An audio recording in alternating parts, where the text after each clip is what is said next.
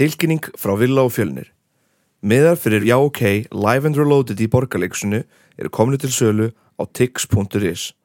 Þetta er svona kostnæðan bak við kannski 5 bjóra eða 2 máltíðir á matöll. Verði ykkur að góðu. Sullaveiki sem ógnaði lífi og heilsu manna um langan tíma Sullaveiki? Sullaveiki Ég held að það var það sem kallaðist þegar ég fór nýri bæja hell í mig sko. Ég, ég bara, ég vissi að myndi segja þetta Já, já, já, ok Já, já, já, ok Já, ok Já, ok Hvað varst að gera? Varst að taka upp án mín eða? Já, nei, bara svona aðeins að aðeins að, að, minna fólk á. Maður kemur hérna í stúdíu og þú ert bara mættur og bara byrjaðir sko. Er ég er svo prepp- preppaður að preppa live, þáttin Ég er bara svo spenntur. Já maður! Hérna, ég var um daginn að senda í, í fyrsta skipti skilabóð en ekki ringi eitthvað. Já, og ég var svo stressaður að ringja og það er, mér fannst það svo mikið svona mikil góðsögn já, að já, ringja já, ég sem sagt sendi mail á einarum á rithöfund. Einmitt og uh, var bara teitrandi að skrifa mailið og hann svaraði og er mega peppaður. Hann er mega peppaður. Hann er mega peppaður og þetta er varðandi live þáttinn. Þannig að ég bara, ég er bara ókvæmst spenntur. Ég kannski upplýsi eftir mánuð hvað umræfni verður. En það er ástæðan af hverju þátturinn heitir Live and Reloaded. Já, Já. þetta er ekki uh, vitnin í Conquer's Bad Third Day.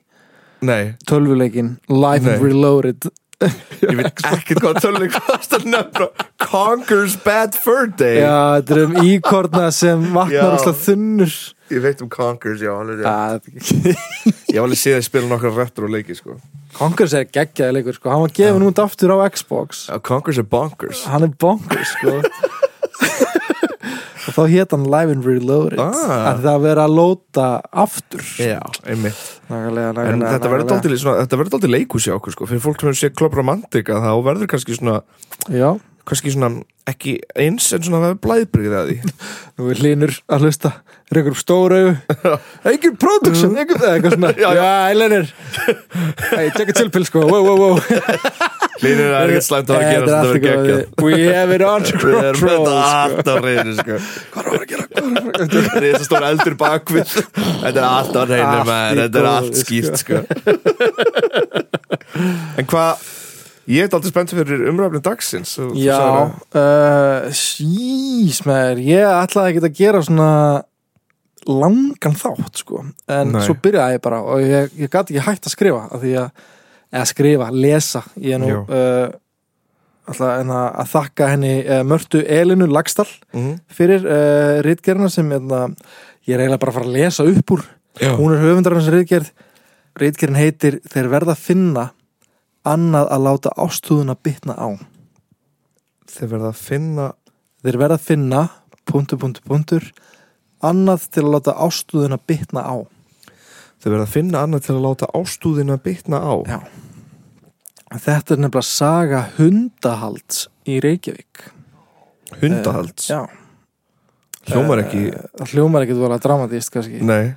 Uh, En þetta er sko svaka saga. Uh, Ok. ég, held, ég held ég byrji bara á henni strax. Já, já, Er það ekki bara? Eða Ég hvað, segi viltu rappa meira? Nei, ég Hvað segir þið hlustundur? Hvað er Ég, ég að gera? við, ég frétti sko að fólk Jó, spíka, rappið spíka Jók, hvað segir sko, Það sem ég frétti eftir svona nokkrar óformlega kannanir er að fólk fílar rappið Já. en vill að við förum kannski hraðara að efninu. Þannig að við bara skulum Hei, byrja hei, hei, hei Við erum bara hérna tveir fellar. Við erum að tala saman. Hvað, hvað, New York reymur hérna Íslensku New York. Uh, Ég er líka spenntur fyrir Mario myndinni sko. Er ég, It's a me Mario. Já Chris Pratt Já, eitthvað guð með góður. eitthva að reyna að útskýra í ykkur viðtali af hverju Mario væri ekki ítalsk, með ítalskan reym lengur. Já. og hann eitthvað Oh no, he's not It- Italian anymore. He's normal. Og maður eitthvað, ha, hvað það tala um maður, hvað það segja Þetta veit allir um Ítala sko. Ó, Jesus Herri, uh, en hún heitir ekki bara hérna, þessi reitgerð þegar verða að finna annað til að láta ástöðuna bitna á. Heldur ekki með tvípunktur, saga hundahalds í Reykjavík. Uh, við þóru almenningsgagvart hundahaldi hefur vissulega breyst til uh, hins betra síðustu ár. Mm. en saga hundahalds í Reykjavík er eiginlega harmsaga. Nú, uh, og öruglega fyrir marga myndi ég ekki eska mjög tilfinningar, tilfinningarík umræða. Já, svona kannski viðvörun fyrir hundaelskandi fólk. Já, trigger warning sko. Já, ok. um, allan að það líður á þáttinn sko. Um, það byrjaði nefnilega árið 1924 þegar það að eiga hund var bannað með lögum á Íslandi eða allan í Reykjavík sko. það var bara bannað um, líkt og, og með aðra umræður sem við uh, þjóðfélag getum tuðað yfir þá var uh, hundahaldið í höfuborginni gerða rætt á vettvangi dagblæðana Mm. þar sem að þeir sem voru ímest með á móti hundahaldi og tókust á með ímsum rökum og svo tilfinningarík var umræðan og ég vil hatur um að tímabili að, að henni hefur verið líst sem einu af kvössustu deilumálum þjóðarinnar. Já, hundahaldið. Hundahaldið já, og bannið að eiga hund Já, en ég Á veit maður sá höfuðborgarsvæðinu. þegar það var kattabannið þarna á Akureyri var átt að gerast, sko, þá var umræðan líka berjáluð já, já, já, og það eiginlega svolítið ringdi einhverju bjöllum og þetta var svona Já, uh, maður gæti allan að vitnaði í þessa sögu eitthvað svona, Mhm. þetta myndi mann á það mm. Þórun Erla Valdimarsdóttir, rithöfundur og sakfræðingur já hún fjallaði um hundaborgarinnar og sögulega rætur þeirrar uh, íslensku andúðar sem oft gætir í garð þeirra í bók sinni Sveitin við sundin sem kom út árið 1986 mm. uh, og hægt er að versla hana hjá vinnum okkar í sögufélaginu Þeir eru þeir allra best Allra best, geggjaðar bækur. Svo áhugaverða bækur heldur betur. Uh, í bókinni segir Þórun andúðuna uppæðlega tilkomna vegna þess nána sambílis manna, hunda og söðfjess sem týðkæði sér uh, fyrir á tímum mm. uh, og gerir hann í dag reyndar. Uh, samspili skapaði kjörlendi fyrir sullaveiki sem ógnaði lífi og heilsu manna um langan tíma. Sullaveiki Sullaveiki. Ég held að það var það sem kallaðist þegar ég fór í bæja hell í mig, sko Ég, bara- ég, ég bara, ég vissi að myndi segja þetta bara. Hvað heldur að minn maður var að gera um helgina? Ég var með Ég var með sullaveikina Ég var að sull í mig sko.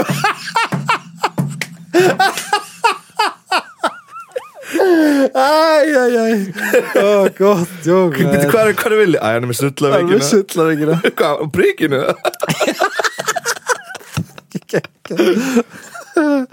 Herri, nei, ói, maður sullaveikinn sko. Já. Ok, talið er að sullaveikinn hafi uppalega borist til landsins með síktum hundum sem uh, fluttur voru inn frá Vesturlöndum Já. einhverjum Þískalandi uh, Elstu fornbókaheimildir geta þess að um 1200 hafi sjúkdómsmynd sullaveiki þekkt bæði í mönnum og skeppnum Já, vá Uh, við fordlega uppgröft á skriðuklaustri hafa fundist minjar um langt gengi sullatilfelli og bendir ímislegt til þess að strax yfir 1550 hafi veikin verið þó nokkuð útbreytt og vel skilgrind.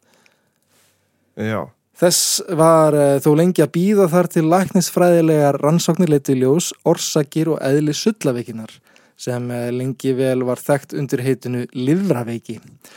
En þú spyrð, uh, hvað er sullaveiki?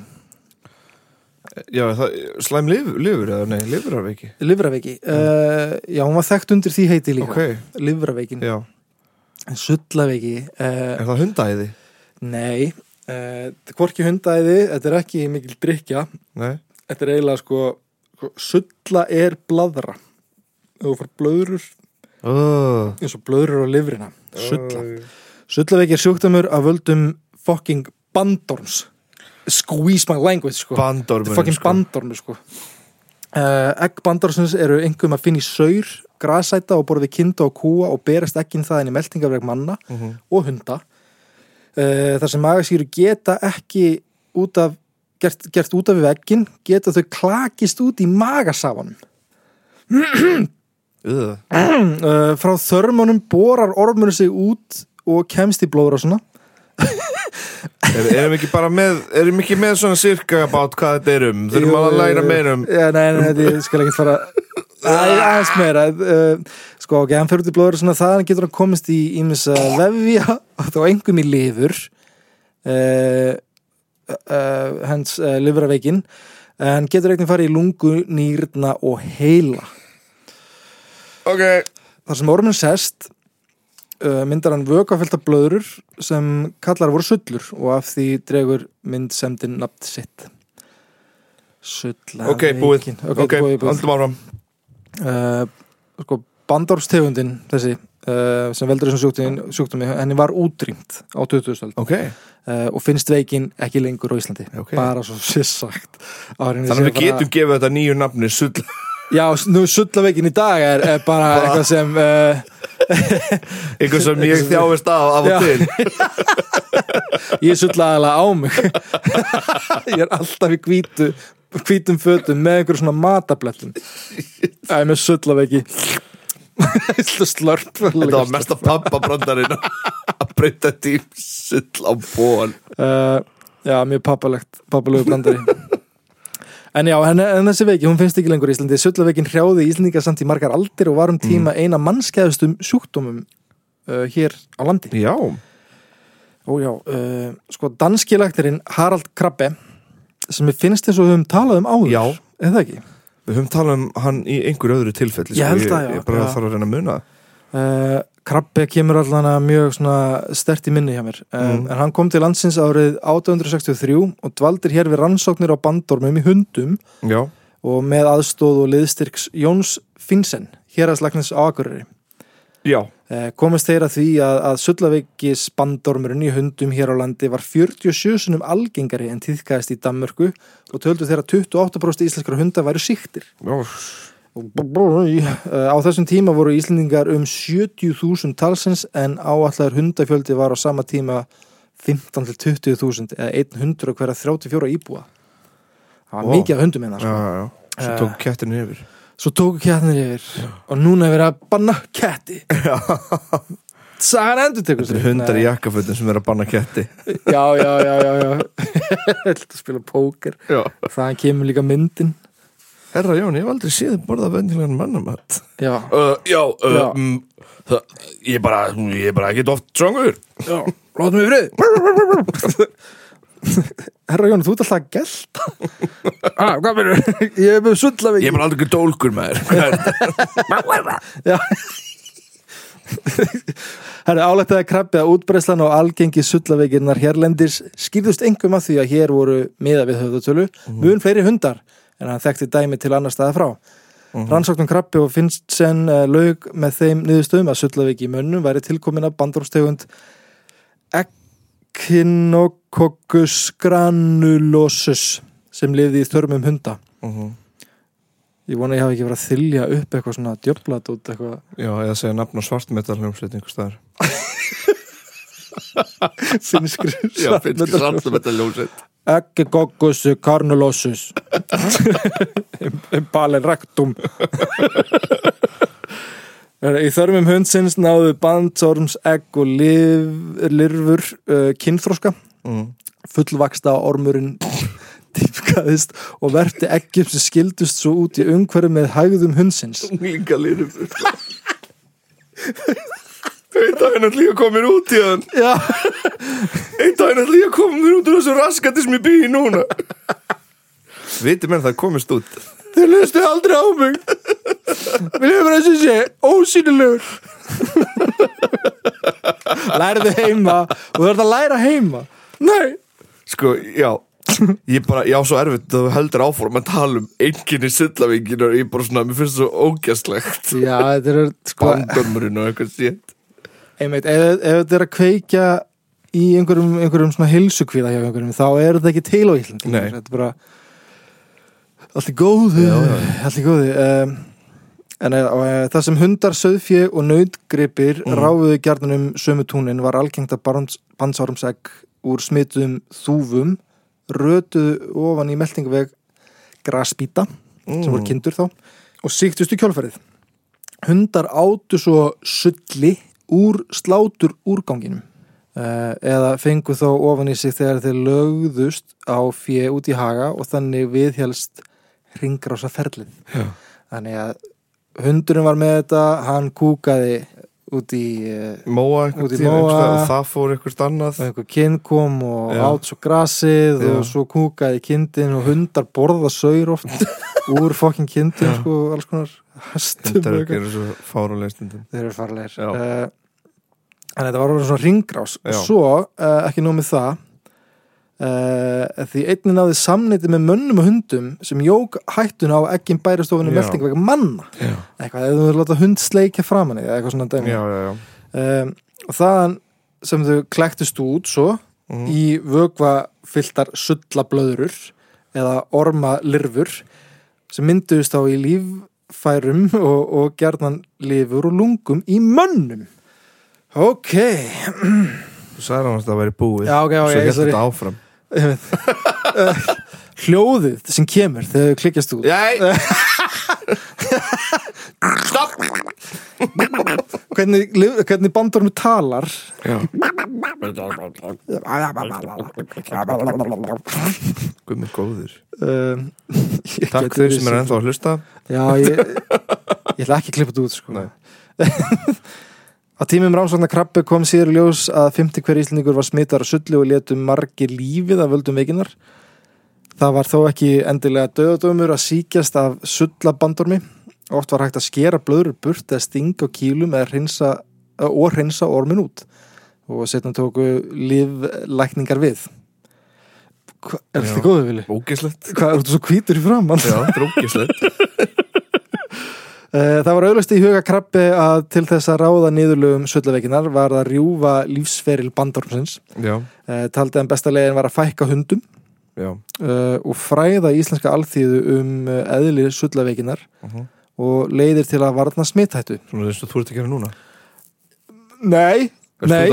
Já, ég er að fræða, ég er ekki að- ég er ekki að segja að við þurfum að fækka hundum. Nei, nei, nei, nei, nei, þú ert að fræða alþýðum Já, ég er að fræða alþýðu. um Sullavíkina Ég myndi ekki mjög vænt um hunda, sko. Já. Uh, já, ok, eru f- tím hundar, Hundavinir, sko. sko. Já, um, já uh, stötu síðar var gefin út tilskipun Já, um uh, hundahald og, og, og í því augnamiði og að, fækka hundum og tók þetta sérst gildi 25. júni 1869 ok ok Tilskipun um hundahald laði áherslu á að halda væri skrá yfir hundafjölda á landinu. Tveggja ríkistæla hundskattur eru lagður á þá umfram hunda sem bændur töldu sér ekki þurfa. Tvo ríkistæli Tvo ríkistæla, það var frekar Það er mikið. bankers upp að sko Uh, og að hlutaegandi aðilum er þið skilt að grafa eða brenna sullmækni slátur og sjá til þess að hundar kæmist ekki í að geta. Þannig að, veist, ef þú áttir hund uh, þá hérna varst bóndi Já, þá þurftur að sko meta hvo- hvort að hundurinn var þarfa hundur eða óþarfa. já, já, já Ég kannski kem aðeins betur á þessu eftir smá en, Æ, já, já en og það var eitthvað talið um að áttir svona mikið að söðfjö þá var kannski einn hundur nóg. Já, já. Og eftir tvo þá þarf það að borga meira. Ekki í þér bara Það var bara með græðki, eða tvo hunda Þessi skil, tilskipun lagðist ekki vel í marga og voru margir sem fylgdu henni alls ekkert eftir. Hreppstjóra fylgdu málunum illa eftir og var það til þess að líta að lítið um að, að hunda fækkuðu næstu árum. Og tæpla fjórum áratum síðar var enn verið að brína fyrir mönnum nöðsinn þess að halda hundum frá slátur úrgangi Já. og leifa þeim ekki að valsa um eftirlitslausum. Já uh, og það var ekkert uh, að ganga vel. Hljóma mjög íslenskt. Uh, já, sérst, já, það var ekki að ganga vel að ætla bara að sekta fólk Nei, nei. þessum fari ekki eftir tilskipurum Þannig- og líka bara eitthvað já, ég veit ekki. Bara mjög íslenskt, sko. vond eftirlit líka á þessu. Já, já, mjög íslenskt. Já, þannig, árið 1890 tóku allir þeir læknar sem sátu á alþingi höndum saman og sömdu nýtt frumvarp með þá vonum að bæta ástandið. Lögum hundaskatt tók svo gildi 23. mæ árið 1890 helstu breytinga voru þær að nú skildi innheimtur hundaskattur af öllum hundum öllum hundum já. og greitar 2 krónur af þarfahundum en 10 krónur af óþörfum hundum auk Mhm. þess sem uh, síslunefndum var veitt heimil til hundalækninga. Já, Já, þannig nú skiptir ekki máli hvort það var þarfa hundur eða óþarfa nei, að kostaði 2 krónur ef maður þarfa 10 krónur óþarfa. Já. Uh, og enn voru menn ekki sammálu um gaggsemi lagasetningarnar lagasetningarinnar uh, og töldu margir að hún næði ekki tilgangi sínum frekar en tilskipunum gamla. Mhm, greindi menn helstum á um að, að sangirtin þess að innheimta skatt af öllum hundum auk þess sem vett- vangaveltur voru uppi um hvort hundalækningar myndu skila til allavegum árangri. Já, hundalækningar fóru fram þannig að hundur var kallaður til hreinsunar á ákveðunum dögum eða livja sköndum útluta til hunda eigenda og þeim gefin inn tvennskonar ormarlif með, með skoðum árangri Já, ok Ok, margar voru efasenda rættinar á að þetta skildi virka. Til dæmis efust menn að, að um skinnsemi þess að bændum væri skömmtu lif og ætla að sjá um hreinsunum sjálfur því þá þrátt fyrir að, að síslunemdir gæfi út hundasamtektir uh, þar sem hveða var á um að skildur bænda til hundarhreinsunar var þeim ítlað ekki fyllt eftir. mm. Þannig bændur voru ekkit að gefa uh, lifin sem þeir fengu til að, veist, Hvað voru þá að gefa við þau?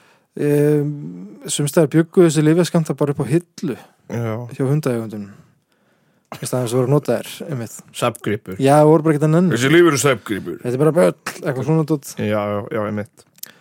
Uh, Sem gerist líka ennþá í dag. Já, einmitt. Uh, Ekki með bónda, ég er bara að segja svona með Nei, fólk bara og, og, overall, og álit bara- þeirra á lifum og eitthvað já. svona.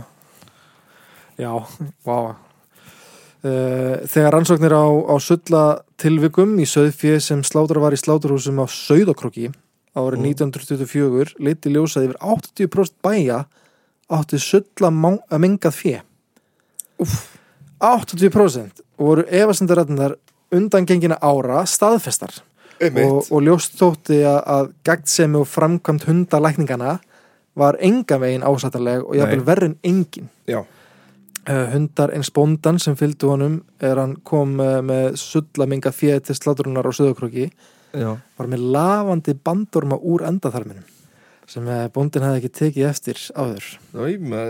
Fyrir en honum var bent á það. Og nú kemur tryggavarning neittist bóndin til að lóa öllum hundunum sínum Já, og fá sér nýja. Kemur náttúrulega ekki óvart.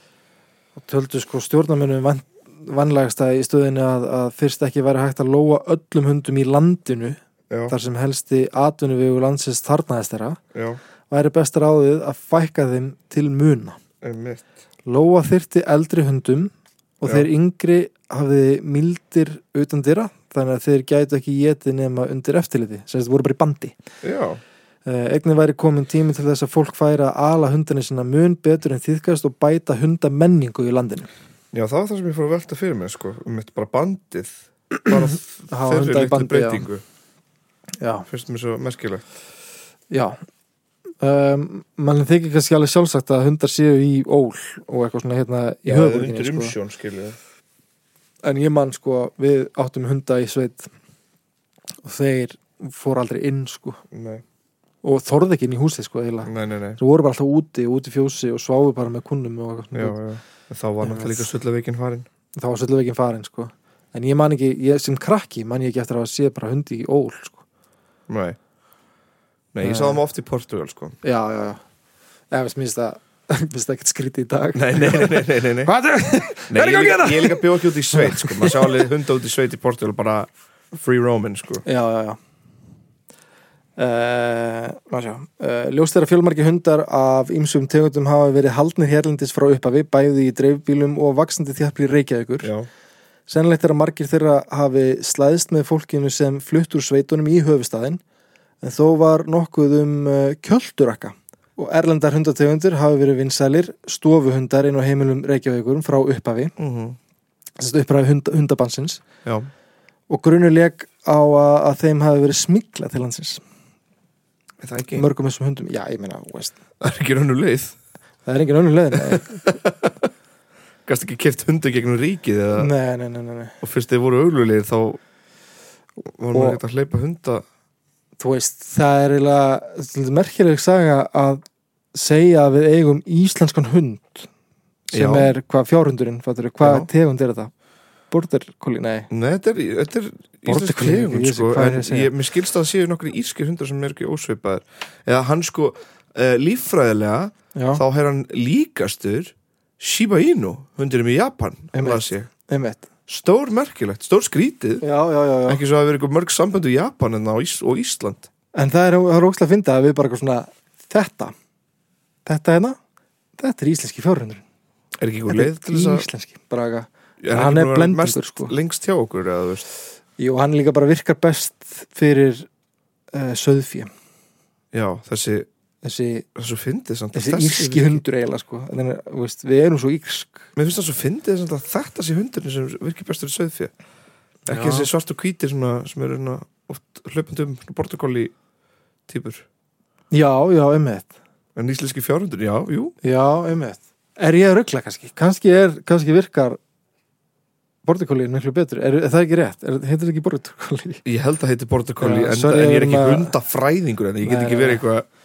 Eitthvað munaðan að nöfn og allum þessum já, Hundum. hætti að ránkóla augunum. Já, við erum ekki hundar ekki vera að dæma með það Er- nei, ég held að fólk dæmi nú okkur ekki mikið. Nei, nei, nei, nei. við dæmum okkur bara sjálfs við erum mjög skemmtilega mjög góður í að dæma það sjálfa Herði, uh, ekki voru allir sammála um að réttmæti þess að halda hunda í þjættbílum um, og hundar voru gerðan flokkaðir eins og kom fram hér á hann þarfa og óþarfa. Þannig að það var spurning eitthvað svona þegar þetta bann var í gangi hversu þarfa var hundurinn í þjættbíli já, um, það var nú er þetta finna ykkur afsökun fyrir því sko Já, eða veist margir þurftu samt hund held ég eða hvort að Kerdog var til það á þessum til? Já, tíma, já, ég já, veit já. það ekki sko emotional support hundur. Emotional support hundur, já. ég myndi að segja það við einhvern gæja á 17. já, já, hvað sagður þú? andlega stuðningsundur andlegur hvað? Andrew, what, Andrew, what now? Sögðu það, já, líka. what já, now? sagði sögðu Íslandi gamla þetta en voru, voru ekki til svona blindrahundrar kannski á þessum tíma? Ég bara hef ekki hugmynd sko. Þetta er eitthvað sem þú ættir að spyrja sjálfa já, um ég greinilega gerði ekki nokkuð rannsókn Herri, uh, strax árið 1910 var hundafjöldin í bænum og það mikill að menn sáu ástæðu til að vekja máls uh, á þessum vaksandi félagslega vandamáli í síðum blaðana Já, og þannig kvartar skólastjórin okkur í Reykjavík yfir því að hann hafi ekki haft kennslufrið fyrir gjamminu í hundunum uh, í hundum bæjarins einn morgunin. var það kennar í larðaskólanum eða Já, ég held það. kemur ekki á Já. Þessi skólastjóri segir. Já, Sjálfsagt er það talin saklu skemmtun að kaupstæðar fólk ali hunda sér til gamans. Stundum finnst mér þó að þetta gaman geta gránað. þetta er saklis og skemmtur Já, Já, geta gránað og má mikið vera ef svo finnst ekki fleirum. Í gærmorgun höfðu þessi fjórfættu kvavalerar svo hátt í kringum barnaskólan að því nær var ómögulegt að kenna þar nálagt hálfri klukkustund.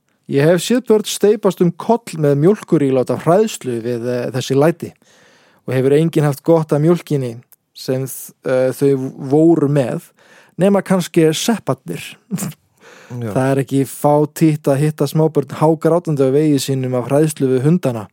Sjálfur er ég hundavinur en ómögulega gæti ég fengið mig til þess að ala óþarfa hund í kaupstað.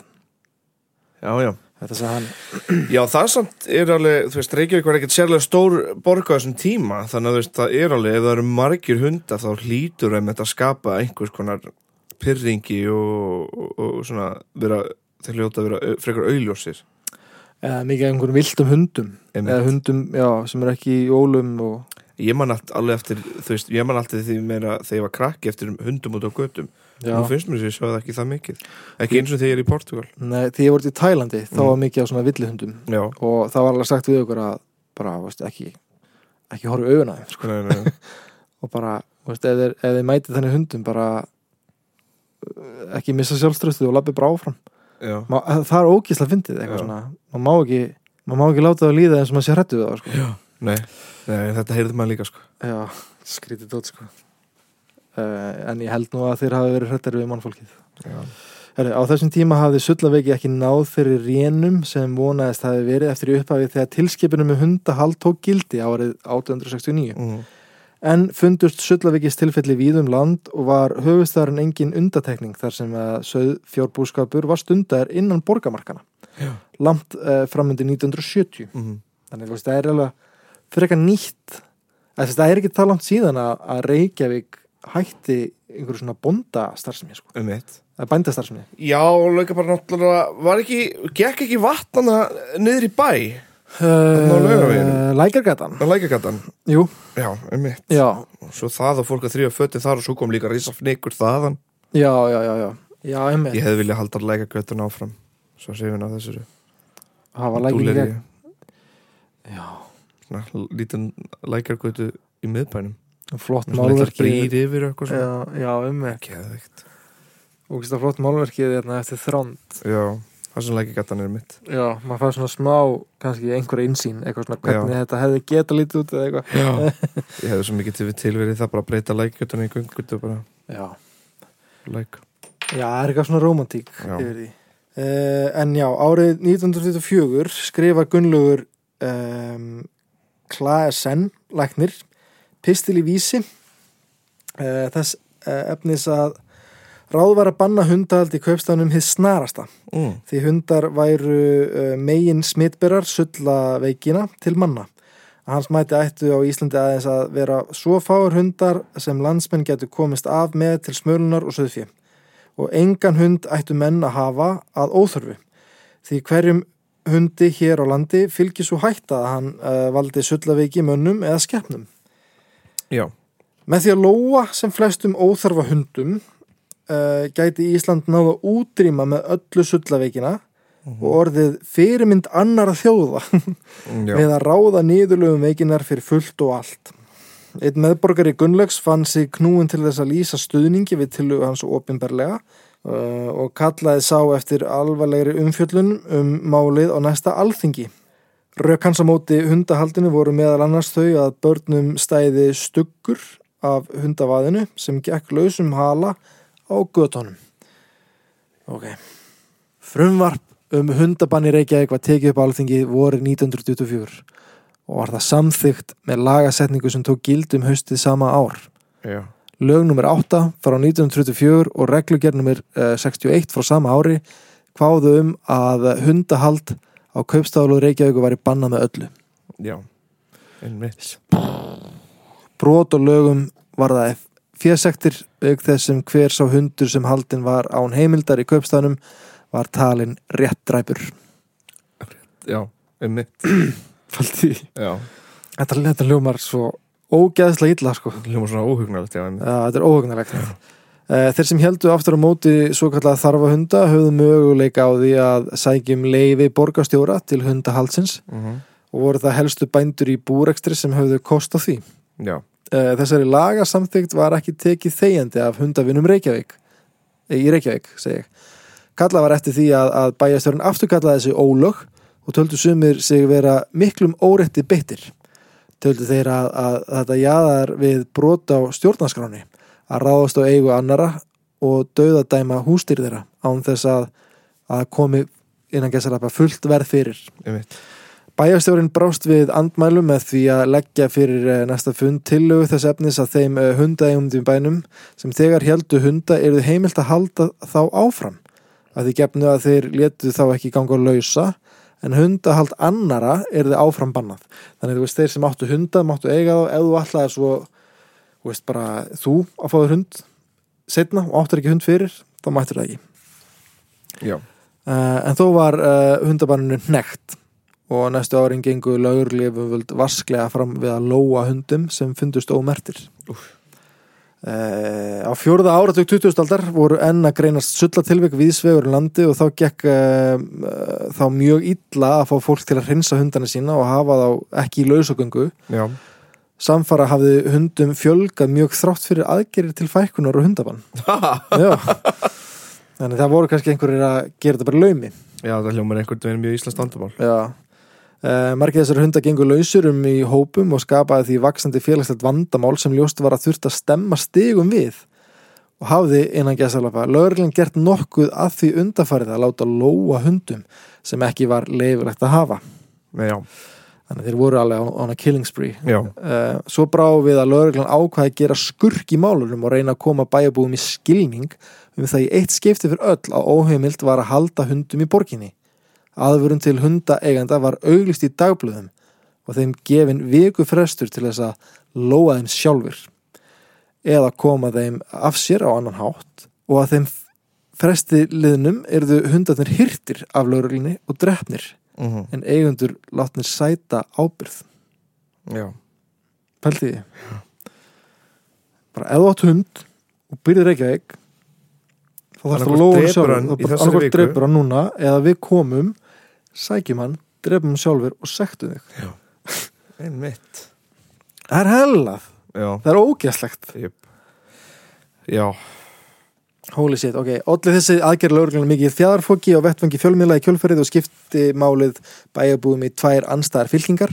Hundavinnir og eigundur rituðu hundum og hundahaldi í hag og kröfðust þess að- með þá upp á stungu og undirskriftasöfnunum að falli yrði frá fyrirhugðum uh, hundadrápum og hundabanni tekið til endurskoðunar. Jónasi Þorbergsinni, fyrrum alþingismanni og fyrrum útvarstjóra ríkisútvarsins hrildi við bóðanum, eins og hann kallaði það, hóp morðunum lögurglustjórnarinnar á hundum bæjarins og fannst engin skynsemi því að kjöltu rakkar heimiluna sem hefðu jafnar ekkert samneiti við sulla veiki, veika rollur þar sem þeir voru haldnir sem stofuhundar þyrft að mæta þeim örlugum að falla réttræpir fyrir hendi vel þjálfarar og vopnarar s- Þetta sagðan. Eh, Fór Jónas fram á að yfirvofandi hóp morðum hunda yrði slegið á frest á með eh, reglum uh, og þannig væri hagrætt uh, að stofuhundar yrði einu leifilegir í borginni gegn því að þeir væru ávalt í taumi utandira. mhm, Okay. Baróta Jónasar og annara hundavina skilaði ekki árangri og hundar voru áfram bannar í höfustaðnum. já, Þeir sem voru sáttir vildu sjá sem flesta hunda drefna til að losa borgina við óþrefnaðin og ónaðið sem fylgdi þessum óþarfa hundum uh, sóttu einnig fast á umræðu vettvangin með svo sverðbeittum aðsendum pislum á reitstjórn vísis að, að þeim þótti sest, þart að hætta að byrta vísir var bara eitthvað þetta er, þetta er of orðljótt. Já, já, já, wow hvernig eh, fólk er að tala með sagt, uh, fjöldadrápu hunda. Já, við getum ekki svona byrta einmitt Næstu árin var lögreglan yðn við að losa borgina undan hundapláinu og var tögum og jafnvel hundruðum hunda lóað árlega. Árið 1948 var metári lóun hunda en þar að, það ár fjallu alls 170 hundar fyrir riffilskotum, lögreglu embættisins. Riffilskotum Riffilskotum, já. Jétt maður, róa sig Já. Hundana Full gróft að fara í riffilskot maður Guðminn góður Held, þú hérst að ég var að tala um að svæfa. Já, Kannski voru einhverju svæðir. já en- kannski Riffilskot, my god Já. Árið 1956 hafði lögreglu tekist að fækka svo hundum í borginni og borgarbötni þekktu varla hundin. Það þótti því frekar ótrúlegt ef hundur sást á gödum borgarinnar Já. og þá voru þeir helst í fylgd með erlendum sjómunum. Og í lók sjötta Já. áratugs var það svo að hundar höfðu almennt verið hraktir úr borginni og besta framtíð og líf sem hver hundur gætt átt var að vera skipsundur. Já, En hundar voru nefnilega alltíðir áhafnameðlumir í íslenskum tógurum í gamla dag og eru kannski enn, Mm. ég veit það ekki. Mér finnst það svolítið gaman, skipsundur. Skipsundur er alltaf skemmtilegt. Já.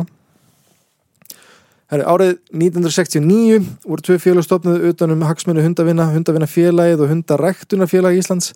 Hundavina félagið var stopnað síðsumars 1969 af hundaeigundum og, og vinum sem vildu koma eh, quote on quote meiri menningarbrag á hundahaldi í borginni og auka Já. þar með möguleikan á að það erði gert leifilegt. Já, Og svo fjölmend var á stopnfundi að, að færri komist aðein vildu var því ákveða að bóka stærri sal fyrir aðalfund félagsins sem haldin var stuttu síðar þar sem hátt á fjórða hundramanns mættu já, og þann 4. september 1969 komu svo 30 áhagmennum hundaræktun saman í bændahöllinu og stopnuðu hundaræktunafélag Íslands. Markmið beggja félagina var að berjast fyrir löglugu hundahaldi í borginni. Já, Bingo. Nefndur úr átjón skólum og höfuborgarsöðinu lögðu bártu hundavina lið með því að sapna undirskriftum til stuðningshundahaldi og hundavina félagið sem taldi um 500 meðlum í lokárs 1970 tók að berjast ötulega mm. fyrir málstað félagsmanna. já, Hundavinafélagi gerði ítrekka tilraunir til þess að fá borgarstjórn til þess að leifa hundahald í borginni en hafði ekki erindi sem erfiði. Brá formaði félagsins á það að ráða að sækjum leifi til hundahalds í borgar, til borgarstjóra. Beinin var hafnað með því eftir málum að formaður kerði sinnuna fyrir domstólum. Eftir að málunum hafi verið vísa frá bæði hérastómi og hæstaréttadómi var lítið annað eftir í stöðunni eða fyrir formannin að skjóta málunum til mannréttinda nefndar Evrópu já sem hann gerði Ok. á svona 13 öðrum hundaegundum sem vildi ekki sætta sig við hundabannið. Þar sem málið uppfyllti skilirði nefndarinnar um að hafa gengið í gegnum öll domstig í heimalandinu var það samþykkt til umfjöldunar. mm. Í kjálfari vaknaði vonanisti í brjóstum hundavina sem vissu að 95% þeirra mála sem báru upp á borð hjá nefndinni fengu frávísun Já, mannréttinda nefnd úrskurðaði hins vegar svo að áttundagrein mannréttinda sáttmála Evrópu um friðhelgi engalífs já, verndaði ekki rétt manna til að stopna sambands við hundar þar sem að hundahald í eðli sínu hefði gerðan áhrif á ofinbært líf annara einstaklinga mm. uh, mjög langsótt finnst mér eitthvað svona ef þú átt hund og hann geltir og ég er nágræðin frá ofan þá það er það að trumpla, trumpla mitt Já, já, eitthvað þú um, getur alveg verið að gelta sjálfur sko. En þú veist. já, já, já. Nei, ég, það Manneskja, ég, ég að gelta Já, þá Já. líka að stoppa manneskjur já, já, já, Það segi ég Svona, þú veist, Það er alveg hægt að hafa hundar sem gælt hvað við að pæla, okkur við að pissa í klósett. Við förum auðvitað bara út og pissum. Já, pissum á tríja pissum á tré, mörgjum okkur svæði.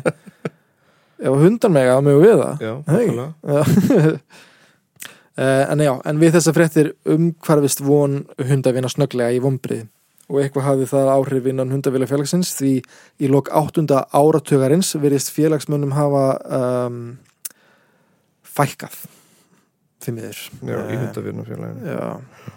Byrtir yttri félagsins ákall til hundavina í dagblæðinu og hvetið þá að skrá sig í félagið aftur Já. uh, til að skapa fjölda þrýsting á stjórnvöldum að leifa hundahald í borginni. Ætli þetta sé ástæðan einhverju kettir eru svona sterkir þá? Mm. Það er bara sögu dýra hundabansins Já, það geta alveg verið, ertu að tala núna bara sem sem gerist bara eins og akkurir Nei, ég bara ætli þessi ástæðan einhverju Ísland að sé svona mikið af köttum í Reykjavík til dæmis? Já, já, já, já sé bara út af því að Það var ekki hundar. þú var svo lengi bannaður hundar þannig að fólk leitaði til kettina Bara spá Hljómar er svo teiknumynd Það er að kasta vangaveltur. Það hljómar er svo teiknumynd sko. Um, Það er næst var farið að reyna að fá í gegnum til um, um takmarkað hundahald. En því var hafnað það var þó einn borgarfulltrúin sem greiti atkvæði með tilhauðinni og það var Albert Guðmundsson verandi fjármálar á þeirra á þeim tíma já, og, var í sjálfstæðasloknum já, hann mun koma svolítið við sögu. Ok. Um, Albert hafði áður greitt atkvæði með hundahaldi og þá sagt að Sullavíkis um, Sullavíkis fyrir slátturinn hjá heilbriðsmálar á þeirra væri bara barnsins tíma. Mm. og það eru ekki væri hreinsunin hunda orðið svo dýr að ekki tæki því að þrefa um kostnæðurreika sem fylgdi hundahaldi er það gert löglegt.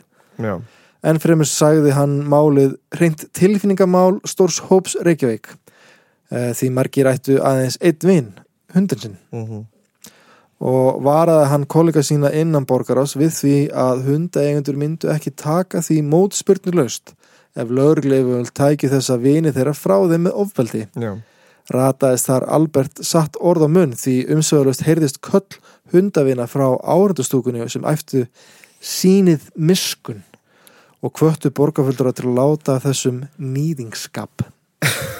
já, einmitt Uh, en það var bara eins og einhvers konar hatur hefði myndast í fólki gagvart hundum Mhm. og að þjóðin skiptist eiginlega í tvent, annarkvort varstu með hundum í liði eða ekki.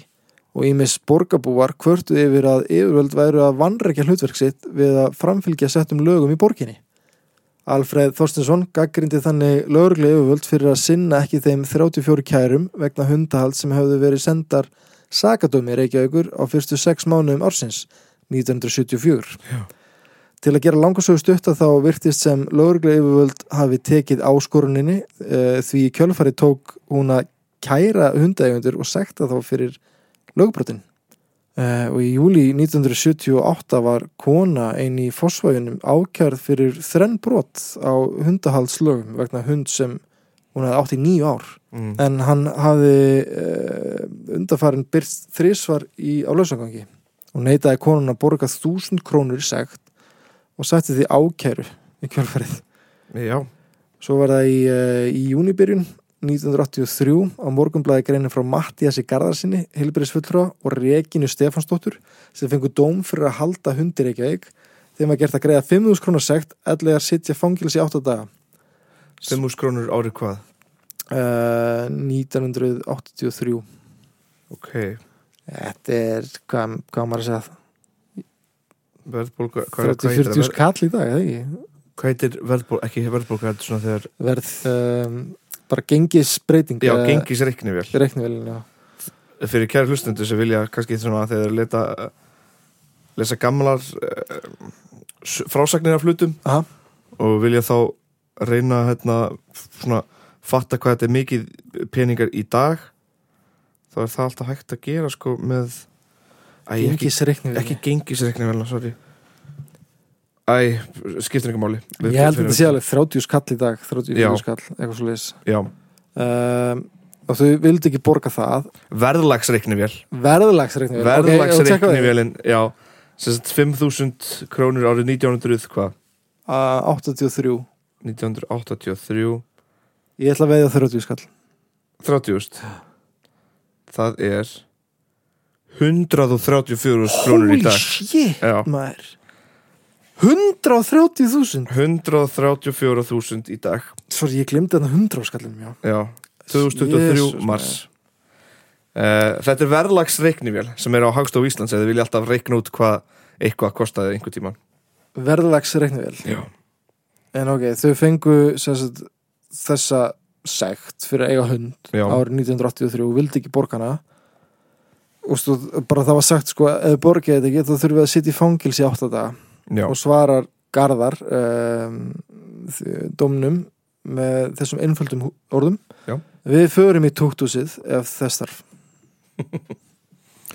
20 sig tukthúsið. Taldi reygin ástandið í hundamálum borgarinn að vera orðið óþólandi og það gengi ekki að almenningurinn ætti það yfir höfu sér að þurfa að dúsa í fangelsi fyrir það eitt að þykja vænt um hundin sin Herra, og svo 4. júli 1983 Mm. þá kom það í dagblunum að, að ágætin maður Fjölnir Bragason Já, ungur námsmaður sem eignan hafi verið dæmdur segur um ólögt hundahald uh, hann sérst hafi verið í göngu í já, ástand hundur sinum þegar hundur hans þefur upp mannslík.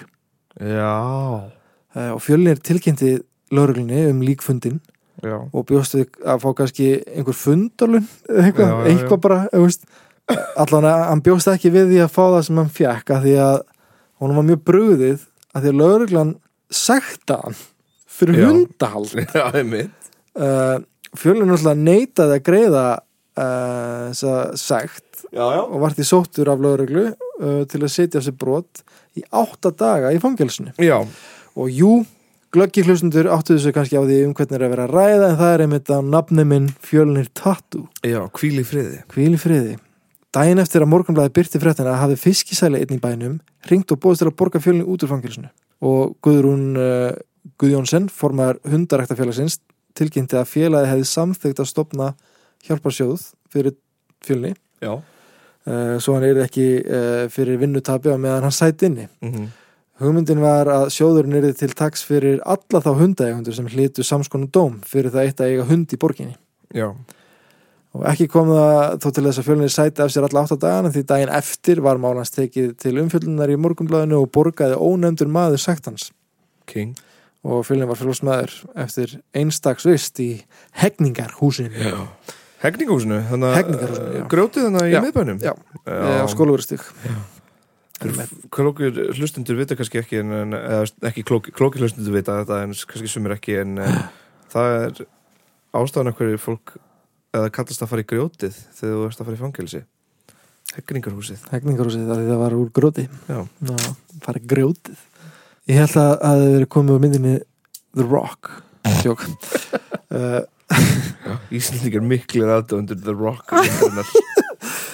Herri, uh, þá fjallar dagblæði vísir uh, um Elfu Björnstóttir sem, sem uh, kærð hafði verið fyrir hundahald. Mhm. ein af mörgum hundaegundum og henni bóðin dómsátt í formi sagt, sagtagreislu upp á 6500 krónur uh, greiti hún ekki sagt hennar bæri henni að standa skil á, á vararefsingu sem hvað um 8 daga gæsluvarald þótti Elfu þessi dómsátt hálf hjárænuleg því að ef, ef hún geng Hjárænuleg? Hjárænuleg. Hvað þýðir það?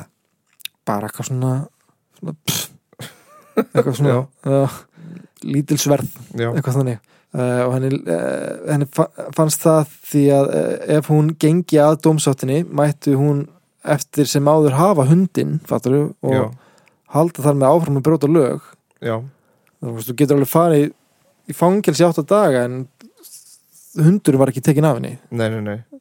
Og svo var einna ung stúlka sem hefði setið í fangilsi vegna hundaháls bara ung stúlka sko. Uh, ég, ég veit ekki hvað hún var gömul en hún var látin laus eftir að hafa afplánað tvo daga í fangilsi og ég held þegar verið að tala um unga stúlka þessum tíma þá, Tví, já, jafnvel yngra sko. Já, Uh, í loknóðumber 1977 hafði Albert Guðmundsson, aldingismæður, sigraði prókjöri sjálfstæðisflokksins. Já, að því tilumni var byrt viðtal við hann í dagblæðinu sem tekið var á heimili Alberts sem hann deildi meðal annars með tíkinni sinni Lucy, mm. hundunum hans.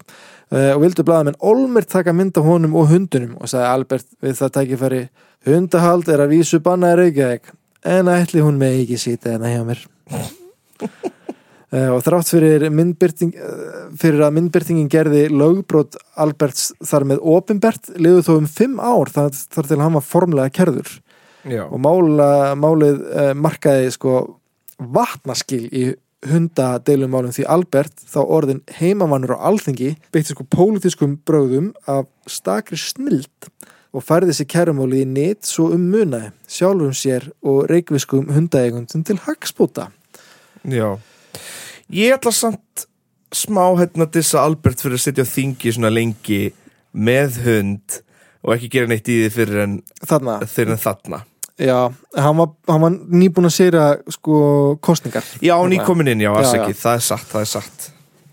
Uh, en hann, hann nýtti sér þetta. Já, uh, og þannig með mér vexti að, að 11. januar 1984 kærði Rapp Jónsson fréttamaður hjá Rúf Albert Guðmundsson, fjármálaráðara fyrir hundahald af, já, ok. Okay. fréttamaður hjá Rúf Skrítið það er, Það er eitthvað, ég veit ekki alveg eitthvað leiðind á millið þeirra hana uh, Já, getur verið.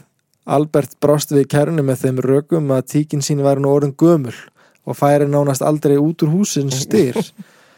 Og þar að auki byggja Albert í einbýlishúsi og tíkin heldur sig ætið innan loðamarkana Já, bætir hann því við að hundahald væri nú um, ekki að öllu liti banna hér í borginni og vísaði til þess að blind fólk fengi að halda hund og eigni lögreglan og björgunarsveitir. En ekki var Albert blindur?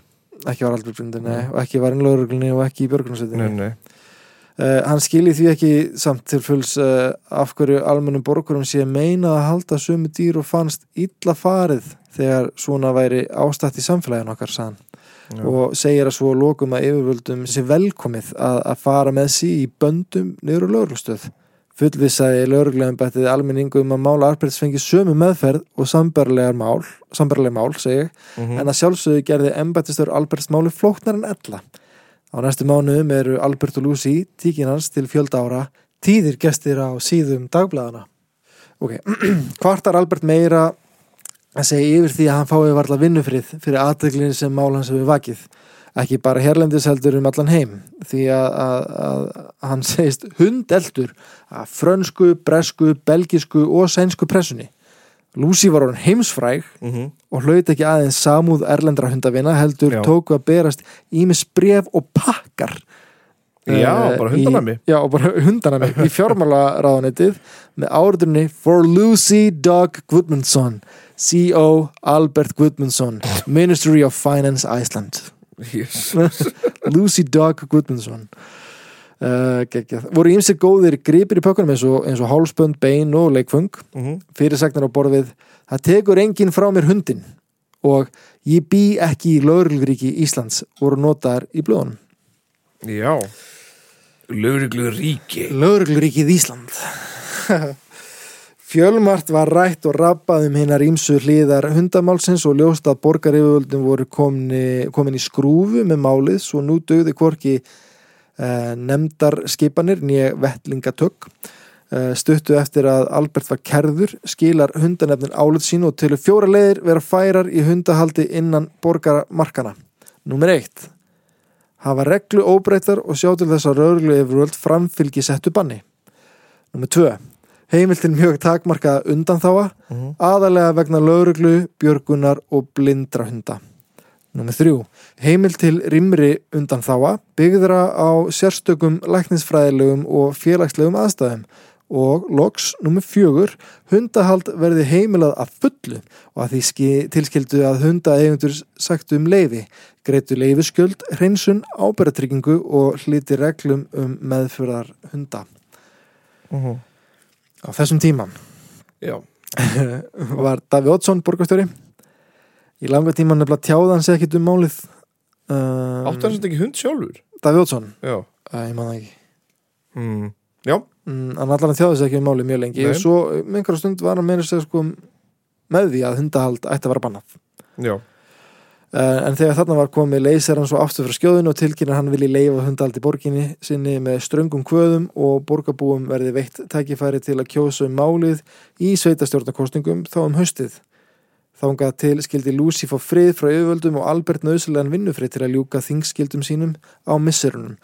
Og svo ég er pæla, kannski áttan hund af því að það virðist vera svona eins og, ég er bara pæla ef Albert hefði ekki átt hund þá hefði hann ekkit verið í þessari súpu og hefði sennilega ekkert verið að reyna eitthvað svona að fá þetta lift nei. En að því þetta snertir hann. Já, og kannski átti Davidsson hund og þetta snertir hann allt í einu og þá allt í einu vildi hann tjá sig og snerist hugur eða eitthvað, ég veit það já, ég er, já, ég er alltaf svona Ég er alltaf ég, ég, ég er alltaf með eitthvað svona Ég finnst um, um pólitíkusa Ég er alltaf svona smá svona, mm, hugsi. Einmitt. Þess vegna hefur mér ekkert langað í pólitík sjálfur sko, nei, nei, einmitt, einmitt, einmitt. En samt, þetta, þetta verðist vera eitthvað svona gegnumgangandi saga Hvaða Í- ár í- er þetta? Þetta er uh, hvað sagði ég, 1984 Uh eitthvað í kringum það, já. Það er síðustu störf þings fyrir sömafrí var að lögfesta samþyktum með hundahald í lögsagnar umdæmum Reykjavík. Já, samkvæmt henni var hundahald áfram bannað í borginni en ákvæði bætt inn sem veitir heilbriðs eftirliti Reykjavíkur heimilt til að veita lögur á það einstaklingum sem sækja sérstlega um uh, leifi til hundahalds undan þá frá banninu að uppfylltum vissum skilurðum og greiðslu 400 króna mánaðalegs hundaleifi skjalds. uh Albert líkur sínu máli með því að borga sektina og sleppur það með að fara í fangilsi. já, Eh, Andóf og þverðmúðska Alberts var þannig til þess að yfirvöld letu sér loks segjast og loks sáu aðrir hundaegundur borgarna fram á tækifæri til þess að geta notið göngutúrs og jafnvel bílferðar á löglegan átt. já Og í november 1984 hófst skráning hunda í Reykjavík og í byrjun desber gerði blaðamæðurinn Ítlu Jökulsson mjög ítarlega grein fyrir þeim 17 hefnum hundum sem nú töldust löglegir íbúðar höfustæðarins með byrtingu viðtals við sér hvern hundaeganda ásamt mynd af hverjum og einum hundi.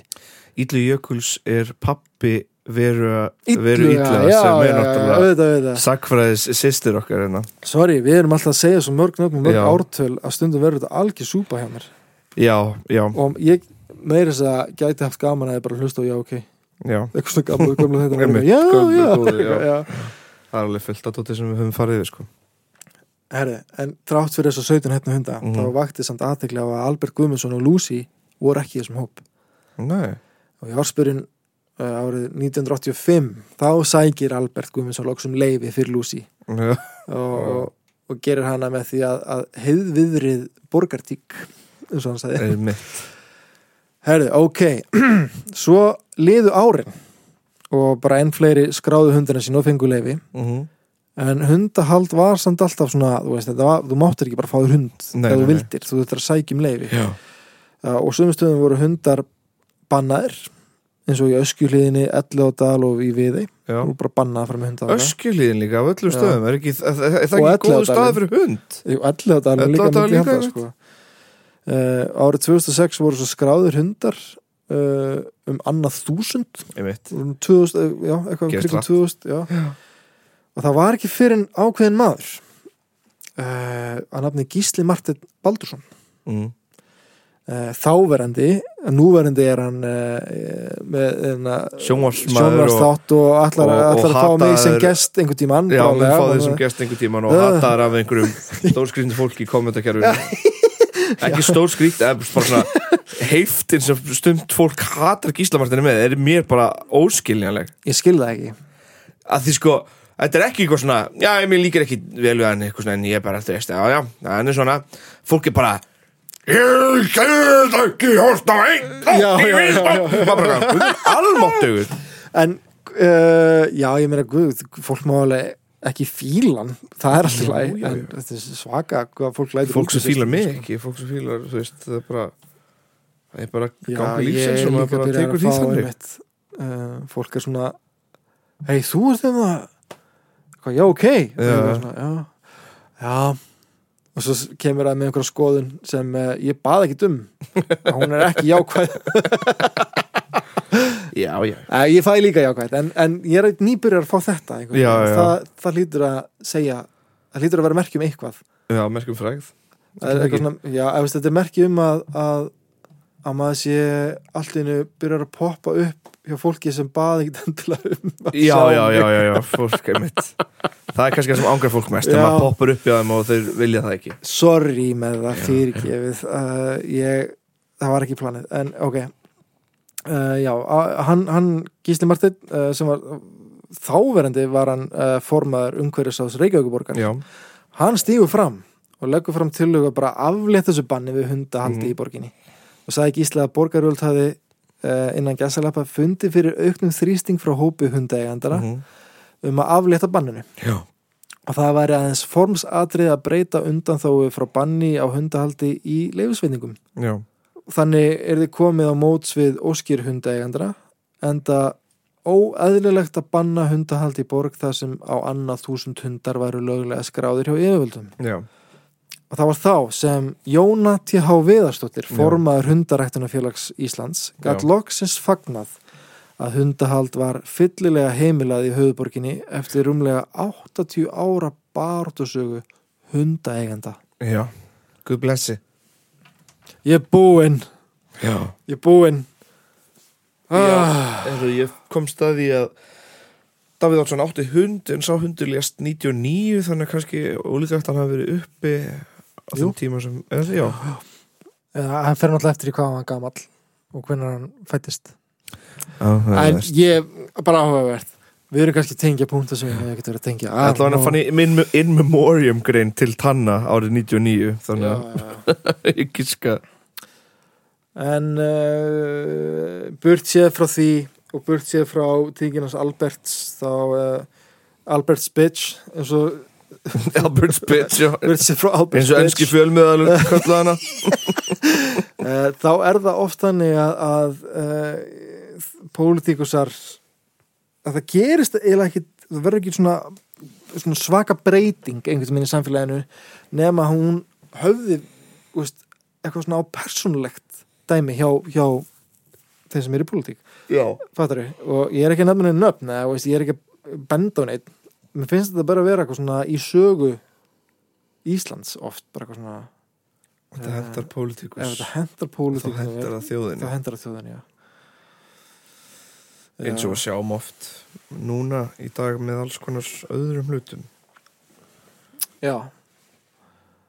Veist, ég, á, ég er að reyna að vera ekkit eitthvað ópólitískur í þessum þáttum en, en stundum emma bara Já, Já. ég bara, þú hittir mig á dag þar sem ég er ekki æstur Nei, ég veit, annars væri með meiri derring sko. ég, ég, ég, ég gæti kveikt þér, ég ætla ekki að gera það Já, sko. þetta er náttúrulega þetta er náttúrulega vita þetta er, hefur líka verið mýma með þetta ég sé alveg ég geti verið stundum mjög pólitísku sko. eða svona geti stundum aðeins aðeins verið að skrúfa eitthvað upp Já, ég, ég var svona sko Ég þurfti bara að hemmja sjálfum mig sko. Já, Og- það er sko þetta gerist, Já. Já. það gerist mikið bara með tímanum. En maður reynir að halda í einhver punk í sér og kjósa með hjartan. Eh, Sko, punk er, er svo mikilvægt í öllu. Já. Ekki bara í samfélaginu heldur líka bara inn á stofnunum Já, Það þarf að punkast í fólki sko. Er mitt svo fyndið þess vegna þegar hann, hvað heitir hann, Arnalds? Já, politíkusinn var að syngja Killing in the Name of mér fannst það bara svo fyndin mótsögn já.